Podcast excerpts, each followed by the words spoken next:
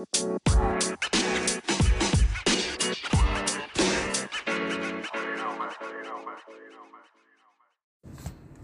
yo yo, back to Ngosens ngobrol santai Hacks uh, sama saya Ica seperti biasa dan kali ini saya kesempatan duduk ngobrol santai di bawah langit ibu kota dengan one and only Kakais. Apa kabar Kaks? Baik Ical, apa kabar? Baik juga. Um, kak mungkin kakak bisa perkenalkan gitu, perkenalkan kakak, diri, kakak pun nama. Terus Iya. karena saya tahu kakak kan kakak di Jakarta sini. Ternyata setelah saya apa dekat dengan kakak baru kakak kasih kakak nih anak Jayapura, anak Kamadi juga ternyata. Jadi saya nih saya tinggal di Argapura, Jayapura, letaknya di Papua. Nah, eh saya nama asli sebenarnya tuh Yudhistira Mamonto, Yudhistira Junior Mamonto. Tapi biasa dipanggil Ais karena sering eh, orang tua panggil nama Ais Ais dari kayak nama tanah gitu kan. Hmm. Jadi akhirnya semua mulai panggil Ais. Cuman kalau di sekolah itu tetap Yudhistira. Timan SM, timan kakak timan SMA sekolah dulu panggilnya Yudhistira. Semua, semua tetap panggil Yudhistira sampai saat ini. Cuma saya penama panggil tetap Ais. Branding ya namanya. Hmm. Tetap Ais aja. Panggil tetap Ais. Jadi begitu.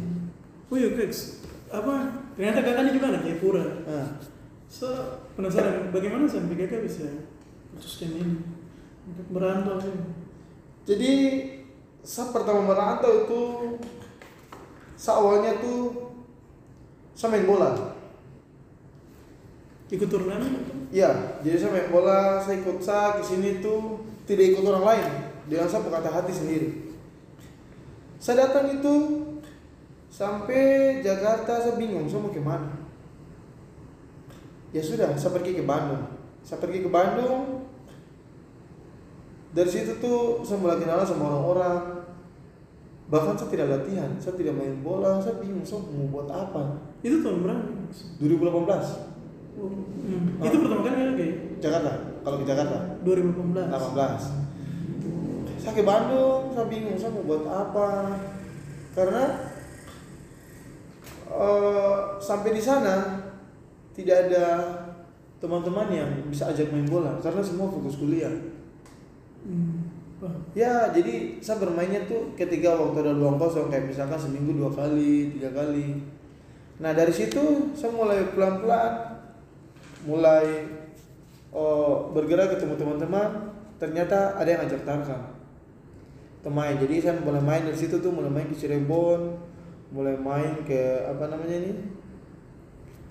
Eh, ke bagian-bagian tengah situ. Hmm. Majalengka terus sampai ke Indep kabupaten-kabupaten Garut. Dari situ tuh saya belajar bahwa sebenarnya tuh datang dengan seorang diri atau mungkin datang dengan apa nih sendirinya itu itu memang tidak enak sekali. Apa sih? jadi misalkan waktu saya pertama kali datang tuh saya bingung. Saya datang tuh kayak mungkin saya punya tujuan, tapi seolah-olah saya jual jalan tanpa tujuan. Idealis sekali istilahnya. Jadi saya saya bingung. Saya arahnya gimana? Saya ini tujuan main bola, tapi kok saya sampai saya tidak temukan gitu. Hmm. Saya tidak jadi tidak sesuai ekspektasi gitu.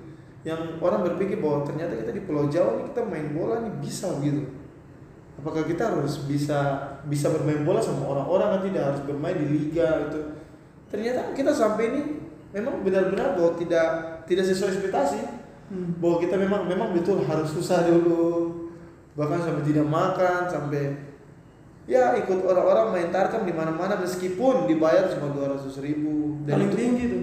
Iya pernah dibayar dua ratus ribu, seratus ribu, pernah dibayar sampai lima ratus. Kalau ketemu dengan orang-orang yang yang mengerti kita gitu. Jadi kalau orang yang ajak ajak kita, kita kan dulu kan masih awam, masih tidak tahu apa apa. Jadi waktu kalau orang ajak kita main itu, orang ajak, tapi kita kan tidak tahu. Kalau mungkin dia ajak, tapi ada bosnya di balik itu juga, pasti kita cuma dikasih dua ratus ribu, 250, kadang 300. Tapi kalau tidak ada bosnya atau mungkin pemain yang aja kita kasih harga, dia pasti mau. Ah, 500. Jadi itu ada satu kali itu saya bermain tuh di Cirebon, letaknya di Tegal Bumbu sama di lapangan Lurah. Saya bermain di lapangan dua itu selama satu bulan. Saya di Cirebon saja Satu bulan. satu bulan. Saya menikmati betul yang menyatakan Kenapa? Mas? bermain dibayar Keras kan? keras Kayak di Papua gitu mau lihat tuh mental. main sama Sama. cuman Jawa itu kalau mau bilang ya mereka tuh sebenarnya tuh mereka tuh kerja keras bukan talenta. Mereka. Buat Ronaldo. iya. Kalau mungkin kita di Papua mungkin kalau di Papua tuh saya akui itu talenta semua. Kalau Iya, bilang dari anak kecil tuh langsung dia bisa bisa langsung naik ke senior untuk dia gabung di senior main. Bisa saja kalau dong game-game anak kecil anak kecil bisa gabung nih. Iya. senior senior main yang penting kita bermain. Jadi beda sekali.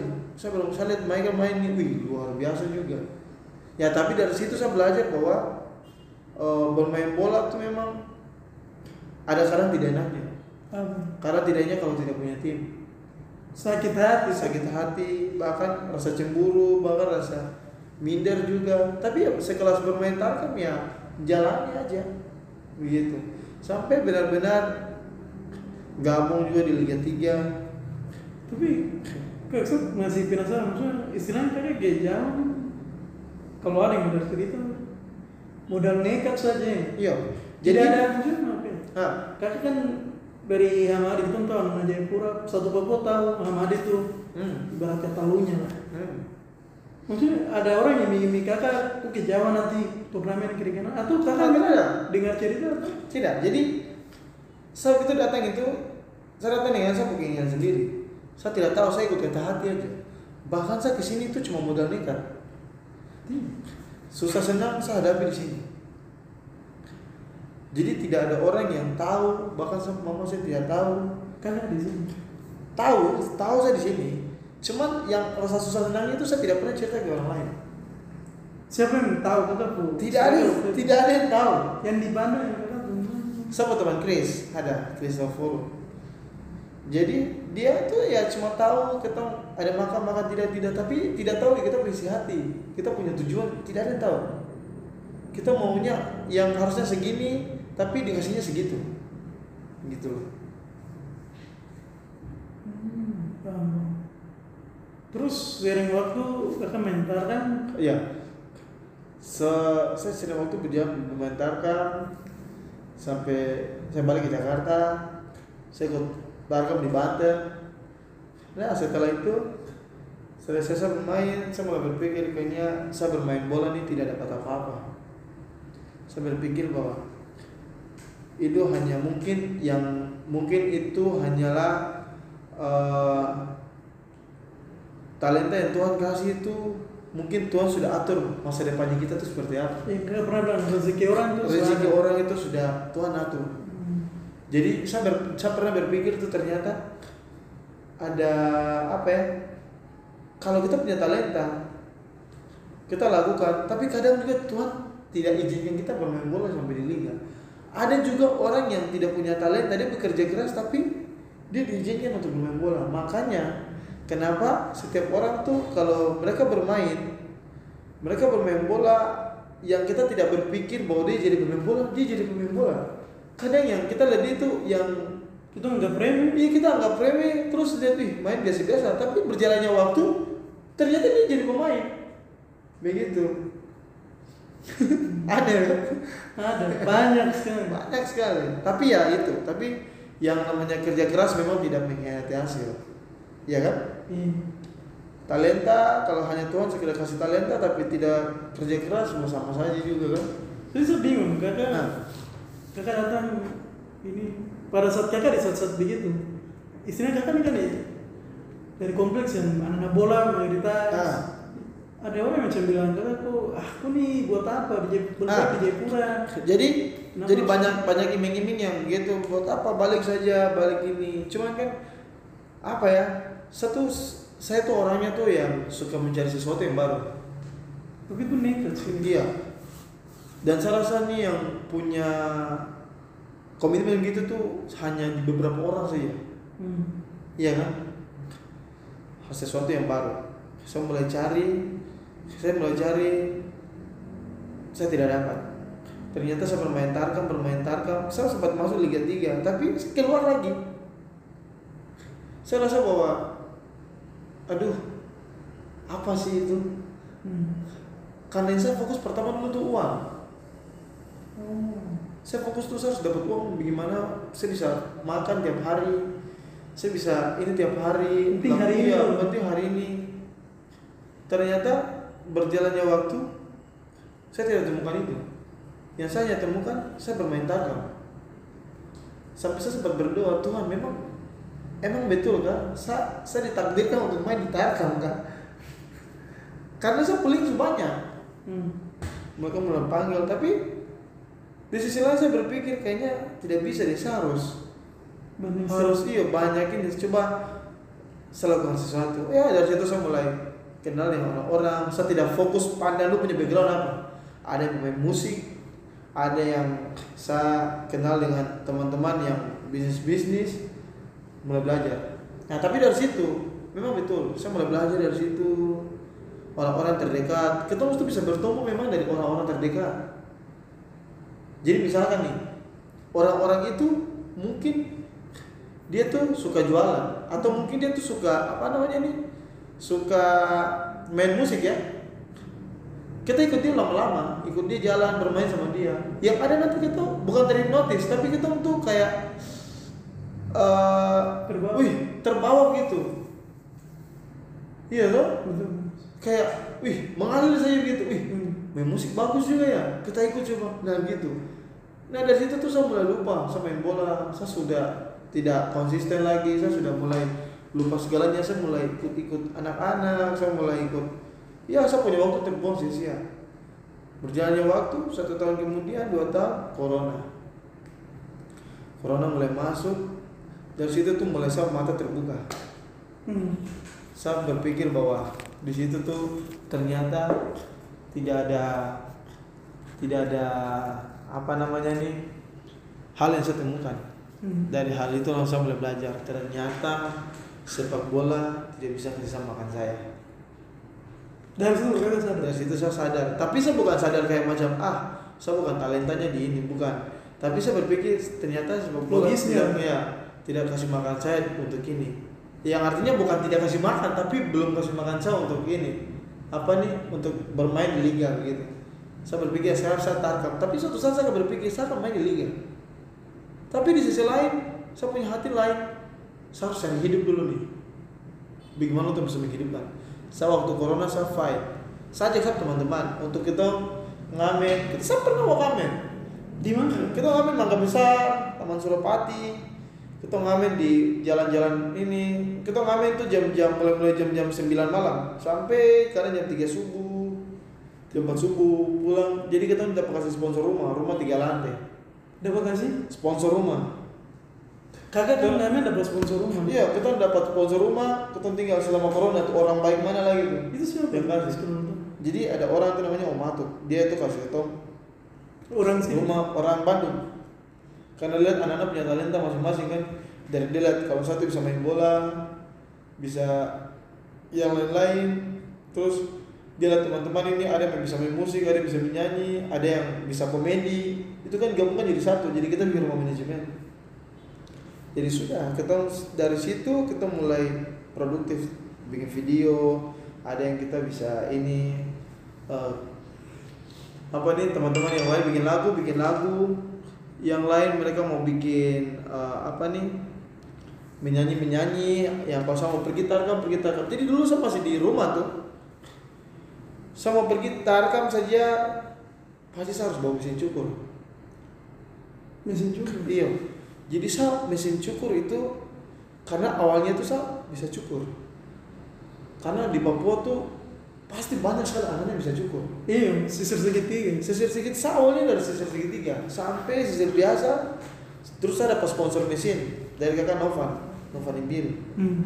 Sponsor mesin. dia sponsor saya mesin. Untuk saya cukur ini anak-anak rambut Itu mulai tahun berapa tuh? Ini itu. Covid itu? covid itu. Dia sponsor saya mesin untuk saya cukur. Saya bilang ah ini kayaknya tidak apa-apa nih.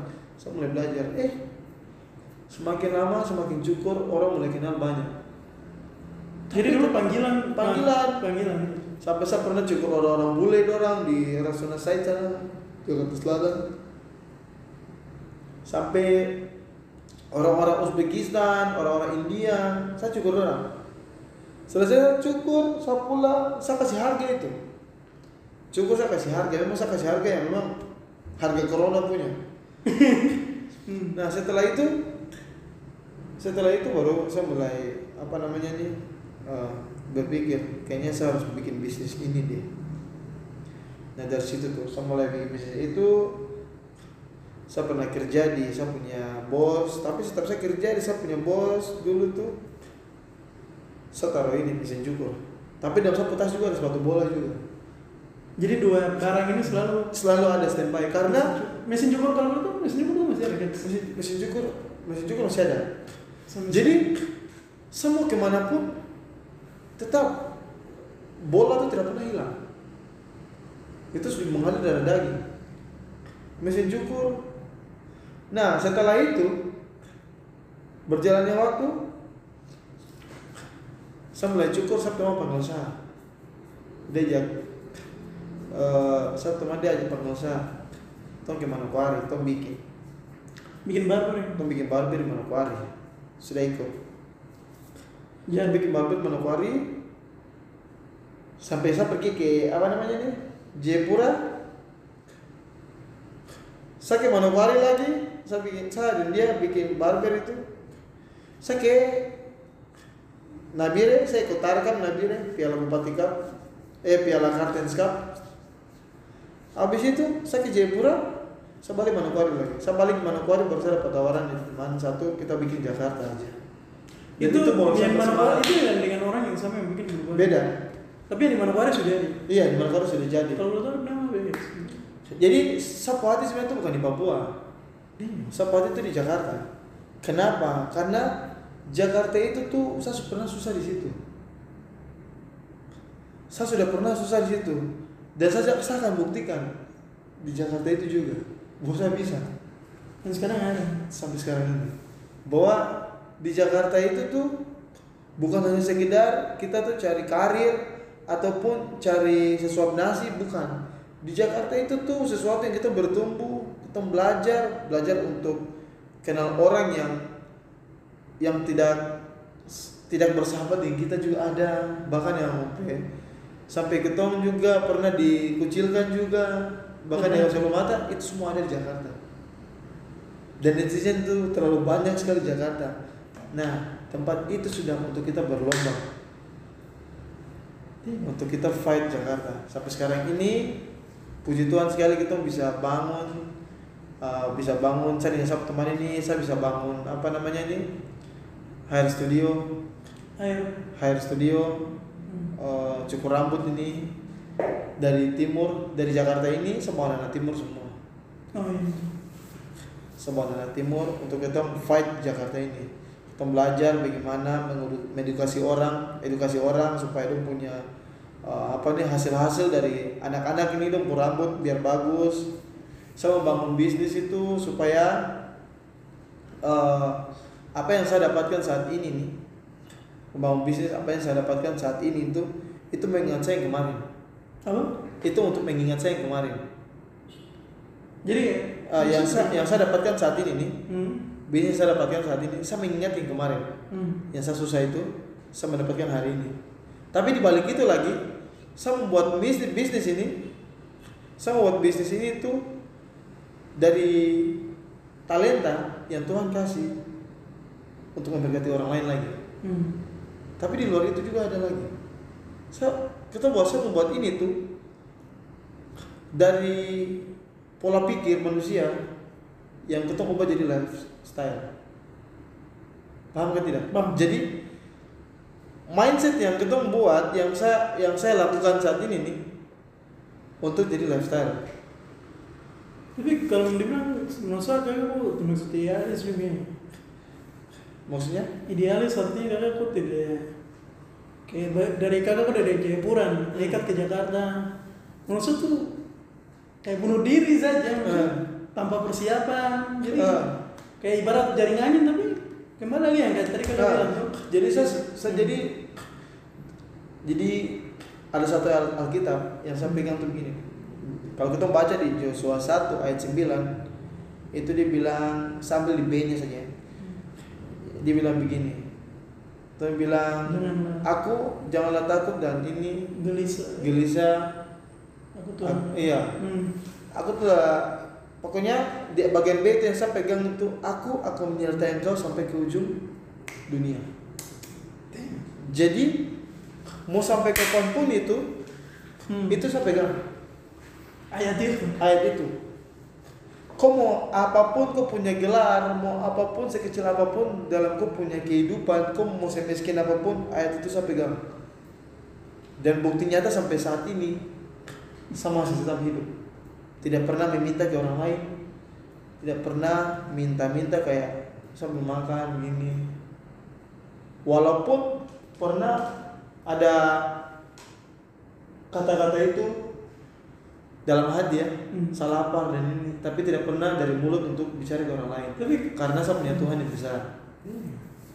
Sudah. Tapi kayak apa kalau ini bicara kakak terjun di dunia barber ya? hmm. momen paling haru ada kan pasti Momen- yang pas kakak Novan beli kakak pun pasti juga tuh haru oh pasti. itu itu Selain- dia salah satu orang yang orang yang saya bilang dia respect dengan kita Hmm. kenapa karena dari hal sekecil apa pun yang dia kasih saya pergunakan untuk melakukan sesuatu yang besar Hmm. saya bilang sekarang sudah jadi begini sekarang sampai saya bisa terjadi segini yang artinya bahwa mindset yang saya berpikir biasanya tuh gini. Saya berpikir saya setiap makan nih. Saya berpikir itu kan dalam satu mindset itu kan wih saya harus buat apa nih? Saya harus mesin cukur saya harus buat apa nih? Itu saya akan lakukan. Saya akan lakukan itu untuk ke orang lain. Hmm. dengan sesuatu yang besar. Dan saya lakukan itu di menjadikan semua itu jadi gaya hidup. Jadi buat satu adalah hal yang dia kasih tuh ke saya tuh bukan hanya sekedar kasih terus saya cari job lain job, la- job lain tidak. Tapi saya buat itu tuh untuk bagaimana saya bisa membangun semua. Dari hal ini bisa membangun semuanya. Ternyata sampai saat ini bisa membangun.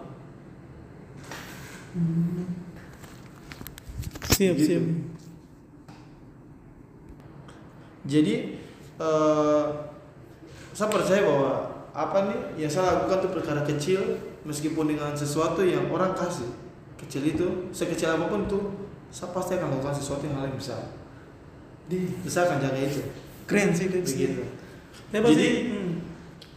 Jadi buat apa namanya nih? Buat saya, buat saya sendiri nih kalau untuk soal bisnis nih Hmm.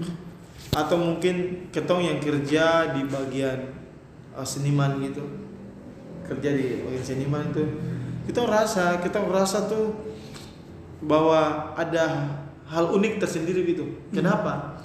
Kita merasa tuh bahwa pekerjaan itu tuh tidak ada pernah matinya. Tidak ada masa expired tidak akan pernah ada. Karena setiap orang siapa pun dia pasti dia akan cukur rambut. Iya. Siapa pun dia. Setiap kita gunting rambut tuh kayak jadi kalau saya saya rasa kayak Nah. Kayak harus ganteng aja Jadi cukur rambut tuh, cukur rambut itu itu bukan hanya sekedar cukur pergi balik, tidak. hmm. Cukur rambut itu adalah sesuatu yang menurut saya itu sesuatu brand Hmm. yang kita taruh di kampung kepala. Terus orang lihat, orang lihat bahwa itu hasil dari karya seni yang diabadikan dari orang lain untuk kok. dan apa kalau menurut menurut saya kayak apa dunia percukuran Hmm. khususnya tuh di Papua Hmm. kalau saya salah koreksi apa budaya Kuntilanak itu sejak itu kultur juga Hmm. dimulai dari sisir bambu Ha-ha. sisir segitiga jadi kayak jadi begini. maaf mana dulu di Papua ternyata sampai sekarang ada tren Pak Makarizo rambut kasih jam tajam iya tuh kan harusnya Jadi begini, hanya.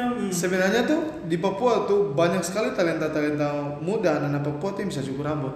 banyak terus banyak Sebenarnya menurut saya cukur rambut itu bukan pekerjaan yang dilihat sebelah mata, bukan. Hmm. Untuk mereka ya, itu bukan hal yang untuk kalian minder atau mungkin untuk kalian bahwa ini adalah ini pekerjaan yang tidak apa nih yang direndahkan lah Hmm. ya kan sebenarnya salah cukur rambut itu itu adalah menurut saya itu adalah bisnis Iya. itu sesuatu yang tidak ada di orang lain untuk kalian semakin kualitas kamu bagus semakin harga kamu makin naik Kayak menurut saya tuh ini sih kayak dunia percukuran tuh kayak dunia kopi lah contoh. hmm. Dunia kopi itu meledak 2016 pas film Ah. Philcop tuh dia meledak. Hmm. Itu langsung orang sudah lihat apa kopi ini sebagai komersil juga Ya. bisnis. kalau kan kalau kopi kan kalau apa kan? kalau kopi kan kita akan bicarakan soal rasa Iya. Tapi kalau untuk cukur rambut kita bicara soal lifestyle Iya. soal gaya hidup Betul. jadi bedanya di situ Iya, maksudnya menurut saya kalau untuk orang memandang tukang cukur rambut, khususnya di Papua anak yang masih kecil sisir segitiga masih pandang rendah, saya pikir nanti pasti ada momen mana kayak oh lu mulai dilihat sih. Hmm. Sebenarnya tuh buat buat ini ya, buat saya tuh sebenarnya tidak perlu minder kalau untuk ada talenta yang Tuhan kasih. Hmm. Kita kan tidak tahu. Dari cukur rambut itu kalian mungkin bisa saja ke depan kalian punya tukang, kalian punya cukur rambut, tempat cukur rambut. Kalian mungkin punya barber besar, Hmm. ya kan? Mungkin dari cukur rambut, mungkin kalian bisa jadi pembisnis hebat dalam dunia rambut. Mungkin saja kalau kalian cukur rambut, kalian bisa jadi orang yang punya brand besar. Hmm. Atau mungkin kalian yang jadi brand ambassador. Bisa juga kalau kalian menjadi edukator untuk pembicara di sini, di sini, sini, begitu. Kalau orang punya visi misi soal cukur, Itu kan kalau tidak, Hmm. mereka akan begitu-begitu saja. stuck. Stuck begitu saja. Berarti kayaknya tidak ada kerinduan misalnya kakak ya bisnis ini kepakan saya paling Ah, jadi saya satu sebenarnya tuh punya kerinduan sekali tuh begini. Suatu saat tempat ini kita akan punya 30 kursi. Ada apa? 30 kursi. Anak Papua semua. Dan semua tuh anak-anak timur semua yang kerja. Oh, Timur. Papua, Manado, Maluku. Maluku. NTT, kita gabung jadi satu untuk kita bisa berkarya di Orang tempat. orang bertempat, apalagi di Jakarta ini. Punya kerinduan sekali begitu. Karena untuk kita itu se- segala sesuatu yang kita buat itu bukan hanya sekedar untuk eh, untuk diri sendiri, tapi untuk orang lain, apalagi sekitaran kita, bagian timur. Gitu. Tapi kayak apa tadi momen haru yang kakak Novan kasih kita masih terus momen paling menggembirakan pas kakak cukur rambut tuh ketika kakak kakak pepelandan gimana dong. Apa itu? kayak ah fuck. Sedang tinggi ya tuh. Yang momen yang paling saya meng- yang kayak macam kakak saya senang, anjing. Saya senang sih. yang saya senang sekali itu saya mendapatkan hasil. hasil kakak yang lihat atau dia yang saya melihat hasil terus saya tunjukkan kepada mereka. Kalau mereka saya rasa bahwa ini bagus mereka lihat bagus. Saya senang sekali. Oh kakak Itu- ide dong Itu ide iya. pas. Jadi yang saya lihat misalkan saya nonton di YouTube atau saya lihat di orang lain atau mungkin saya lihat hasilnya orang lain saya lihat itu saya aplikasikan ke hidup kepala. Dan terima sambut baik. Dan mereka lihat oh ternyata begini bagus bagus. Gitu. dan ter- terus belajar saya terus belajar terus belajar. Tapi tetap tarkam jalan juga. Jadi tetap bola terus pasti bola tidak pernah hobi tetap mengalir. Tetap hobi tetap mengalir. Dan itu sudah di darah daging. Apa yang gagal? Temukan di Tarkam? Karena banyak orang bilang Tarkam bikin cedera, buang waktu. iya jadi tarkam itu tuh apa ya sebenarnya tuh kita tuh kalau bermain main misalkan kalau kita cukur rambut terlalu lama sebosan kita bisa cari yang namanya healing Nah, juga Tarkam pelari. Sapu healing itu main bola. Kalau tidak fun berarti tarkam. Itu sapu healing itu. Hmm. Begitu. Karena apa? Kita balik sedikit itu suka bola tuh dari mana? Saya suka Karena lingkungan kan? Tidak, jadi saya suka bola tuh saya bukan karena lingkungan. Tapi memang saya memang suka main bola.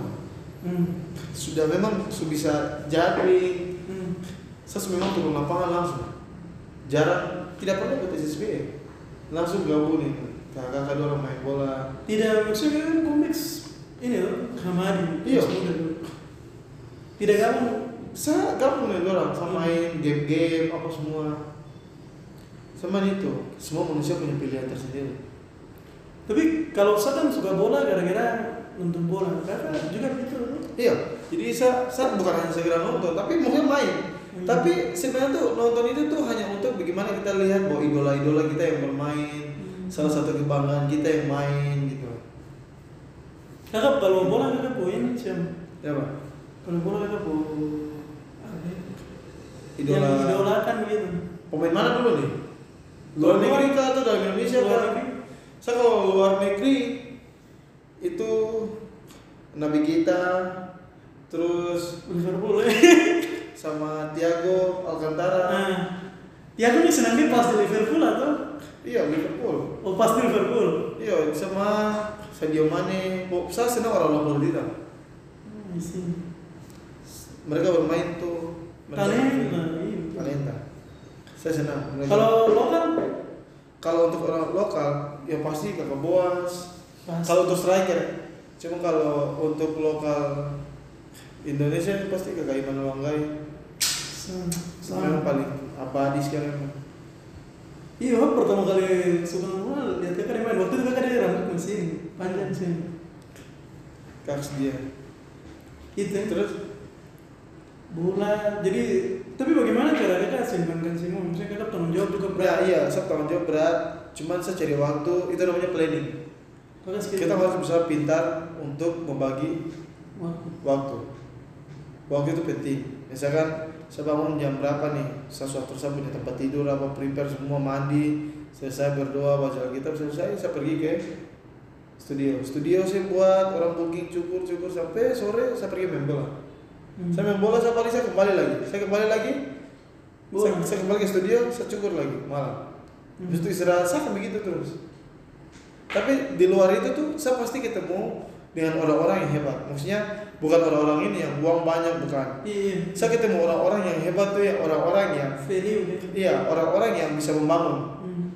Oh kamu sekarang kegiatan apa oh saya kegiatan ini ini oh gitu ya oh bisa dong kita nanti kapan kita kolaborasi gini Oh iya, waktu itu saya dibawa. Nah, kapan bisa dong kita kita bisa duet? gitu. Oh, kapan dong bisa kita bisa bi- bicarakan ini ini ini. Jadi bukan hanya sekedar apa nih mereka duit banyak tidak, saya tidak fokus di situ. Saya fokus bahwa mereka punya sesuatu yang Bisa bisa bisa kerjasama, bisa eh, apa nih bisa menguntungkan gitu loh.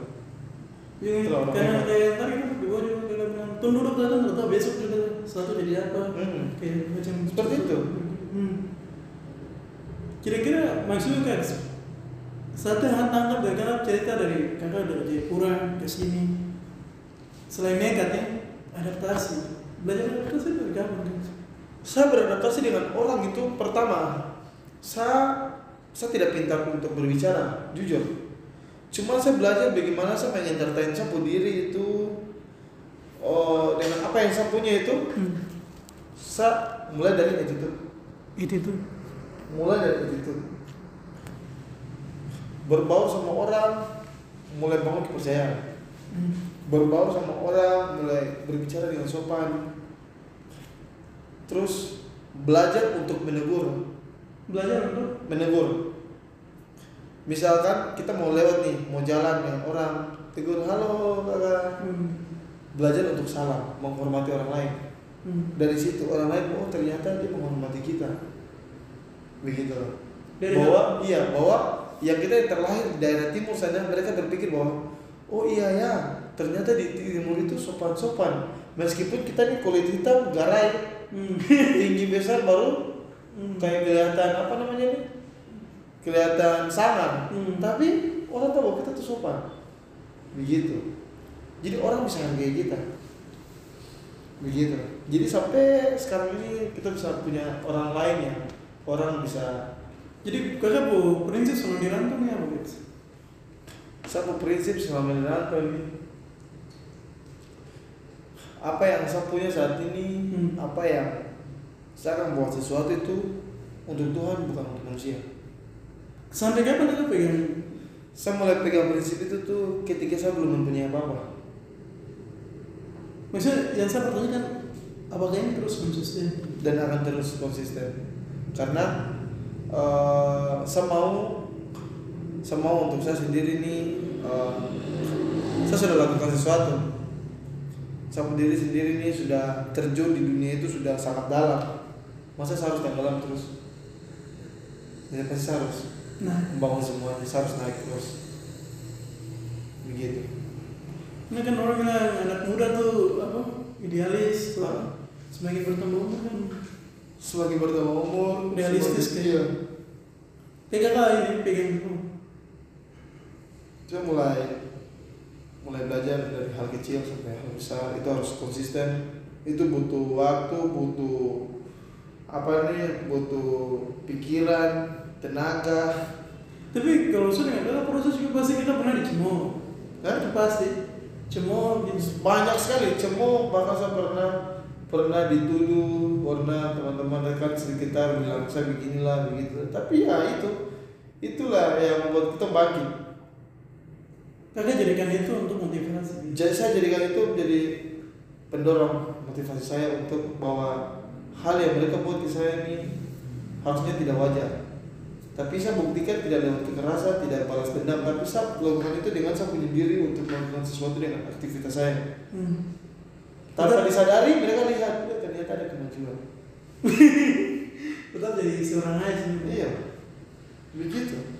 Karena saya tidak pernah balas dendam siapa pun tidak pernah. Jadi kan po ini kan sudah penghujung guys. Kakak pesan buat teman-teman yang besok mau cendong khususnya anak Papua ya. Iya yang Jadi- terjun mau bikin barber tapi Ah. masih stuck. Jadi buat anak-anak yang di Papua, eh, bukan hanya sekedar Papua, yang Semua di timur untuk pendengar semua, kalau kalau kita saja bisa, masa kalian tidak bisa? Ya. Belajar untuk melakukan sesuatu itu dari perkara kecil, untuk menghargai, menghargai waktu, menghargai orang sekeliling, Hmm. Siapa pun dia belajar untuk hargai. Karena dari situ itu akan mengangkat kita naik ke atas. Begitu. Dan jangan lupa juga untuk selalu baca Alkitab. Itu penting guys. itu itu itu penting. Kalau ketemu kalau kau berjalan dengan kau punya hanya talenta tapi tidak ada dasar yang yang dasar yang apa namanya nih yang kau iman kepercayaan untuk ke depan waduh sama saja Sia-sia. sia-sia jadi untuk kamu tetap semangat untuk hadapi segala sesuatu karena itu hanya sementara gitu guys Oke guys, kayaknya itu sudah di penghujung. Kalau kamu suka, kamu dengar, silakan kamu diam saja. Dan sekali lagi terima kasih buat kamu semua. Sekali lagi juga terima kasih buat KKS juga sudah Oke, baik. sempatkan waktu berharga buat Densa dan buat teman-teman Ngosans jangan lupa share, jangan lupa like kalau tidak suka komen saja biar kita juga terbaik supaya ke depan yang lebih baik lagi. So see you seluruh sahabat Ngosans di mana pun kamu berada dan be yourself. See you.